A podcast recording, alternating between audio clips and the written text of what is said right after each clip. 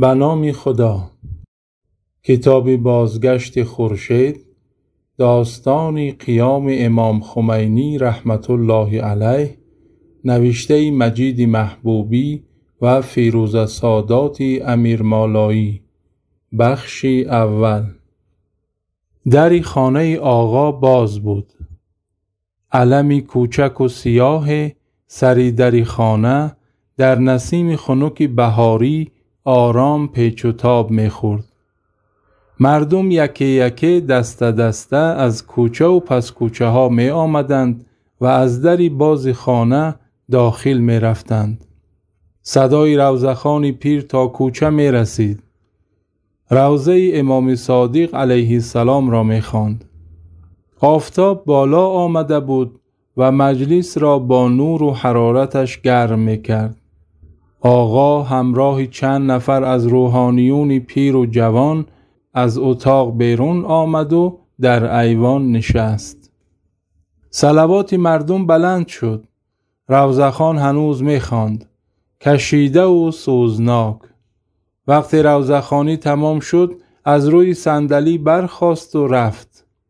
روحانی میان سالی که کنار آقا نشسته بود بلند شد و روی صندلی نشست. مردم دوباره سلوات فرستادند اللهم صل علی محمد و آل محمد موجی صدای جمعیت شیشه های اتاقها را می لرزاند. آقا چهار زانو نشسته بود و زیری لب ذکر می گفت. شیخ شروع به صحبت کرد. موضوع صحبتش امام صادق بود.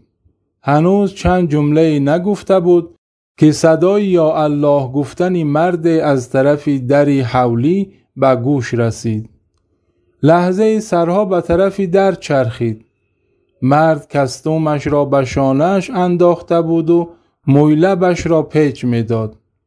شیخ نگاه به عینک دودی مرد انداخت و در حالی که سرش را تکان تکان می‌داد برای حفظ آرامش مجلس سلوات فرستاد.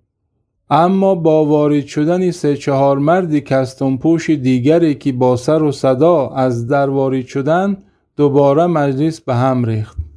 مردی چهار شانه که مویلبهای غفص و آویزانه داشت پوزخند زد و با لحنی گفت بدبختی است به خدا. مردم گویا مؤمن و مسلمان ندیدن چرا این گونه به ما نگاه می‌کنید؟ چند نفر خندیدند. مجلس از حالت عادی بیرون شد. سخنران دوباره سلوات فرستاد و مجلس کمی آرام گرفت. آقا سرش را دمی گوش آقای خلخالی نزدیک کرد و چیزی به گوشش گفت. آقای خلخالی نگاه های عصبانیش را به جمع دخت و از جا بلند شد. سخنران اوج می گرفت که صدای سلوات یکی از تازواریدها بلند شد.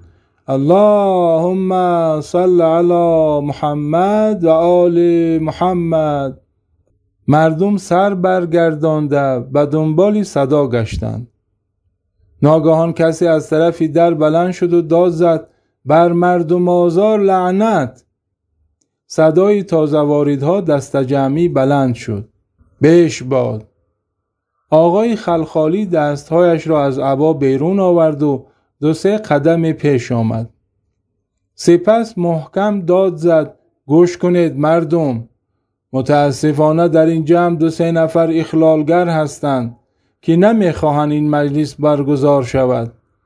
بنده از طرف آقا به آنها اختار می‌دهم یا مجلس را ترک کنند و یا اینکه مثل بقیه مردم به سر و صدا بشینند و گوش کنند. وگرنه آقا قصد دارند به طرف حرم حرکت کنند و آنجا سخنرانی نمایند و هر چی لازم است به گوش مردم برسانند. مردم دوباره سلوات فرستادند و آرام شدند. آقای خلخالی پیش آقا برگشت و نشست. سخنران سخنانش را ادامه داد. مردم سراپا گوش شده بودند. چند مرد اخلالگر به همدیگر چشمک زدند و یک پس از دیگری به سر و صدا بلند شدند و از مجلس بیرون رفتند. پایانی بخش اول.